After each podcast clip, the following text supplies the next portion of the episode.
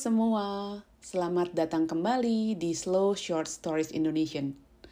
Welcome to Slow Short Stories Indonesian, where you can listen to a variety of news and stories told in Bahasa Indonesia at a slower pace.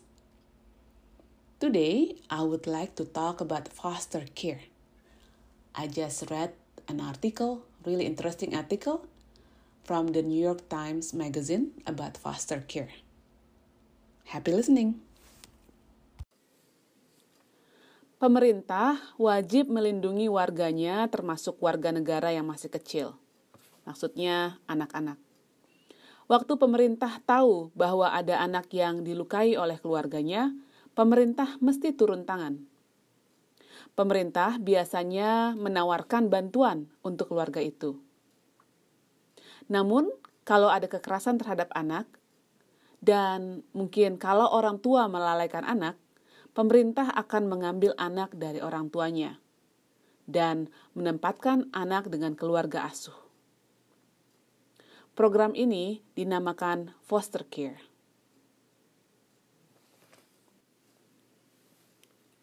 Kebanyakan kasus asuh bertujuan mengembalikan anak-anak kepada orang tua mereka kepada orang tua kandung mereka. Tentu saja, bantuan juga diberi kepada orang tua itu, seperti obat atau terapi untuk penyakit fisik atau mental. Walaupun tujuan dipulangkan, anak-anak tidak bisa menunggu terlalu lama. Pemerintah pusat Amerika memberi orang tua kandung satu tahun untuk memperbaiki masalah mereka. Kalau dalam satu tahun orang tua masih belum mampu, hakim akan memutuskan apakah hak asuh orang tua akan dicabut atau tidak.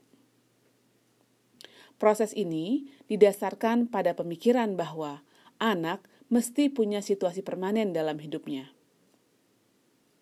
Contohnya, mereka tahu di mana rumah mereka, di mana mereka bersekolah, mereka punya teman yang tetap, mereka tidak selalu khawatir dan mereka bisa hidup dengan sehat.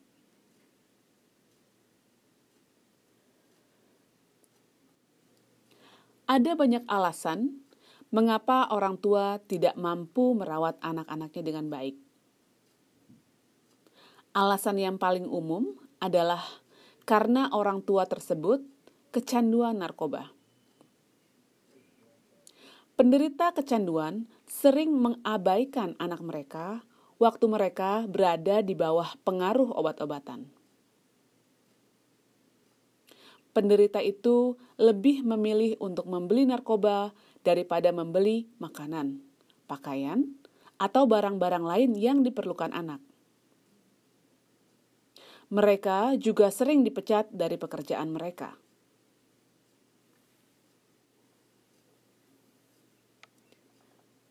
Kadang-kadang Pecandu melakukan kejahatan, seperti mencuri uang supaya bisa mendapatkan uang untuk membeli narkoba. Pecandu wanita kadang-kadang menjadi WTS atau wanita tuna susila, supaya mereka bisa mendapatkan narkoba. Alasan lain lagi adalah kekerasan dalam rumah tangga atau biasa disingkat dengan KDRT. Walaupun siapa saja bisa menjadi korban, biasanya suami yang memukul ibu dan anak. Di Amerika Serikat, anggota keluarga tidak mempunyai hak untuk menyakiti anggota keluarga lain. Sebaliknya, setiap orang mempunyai hak untuk hidup aman.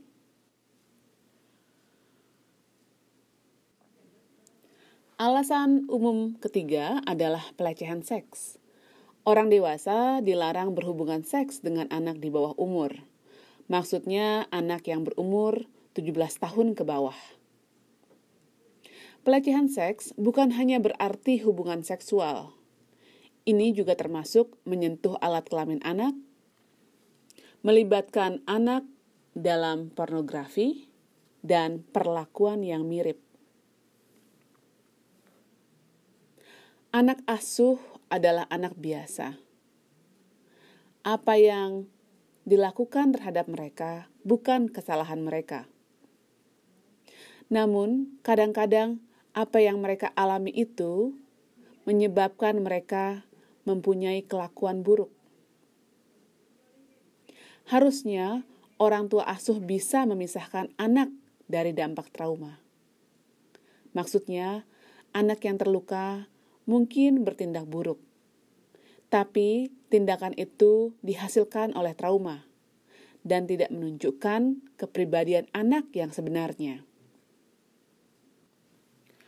Anak yang menjadi korban kekerasan atau anak yang diabaikan bisa sembuh, dan kepribadian mereka yang baik bisa kembali lagi.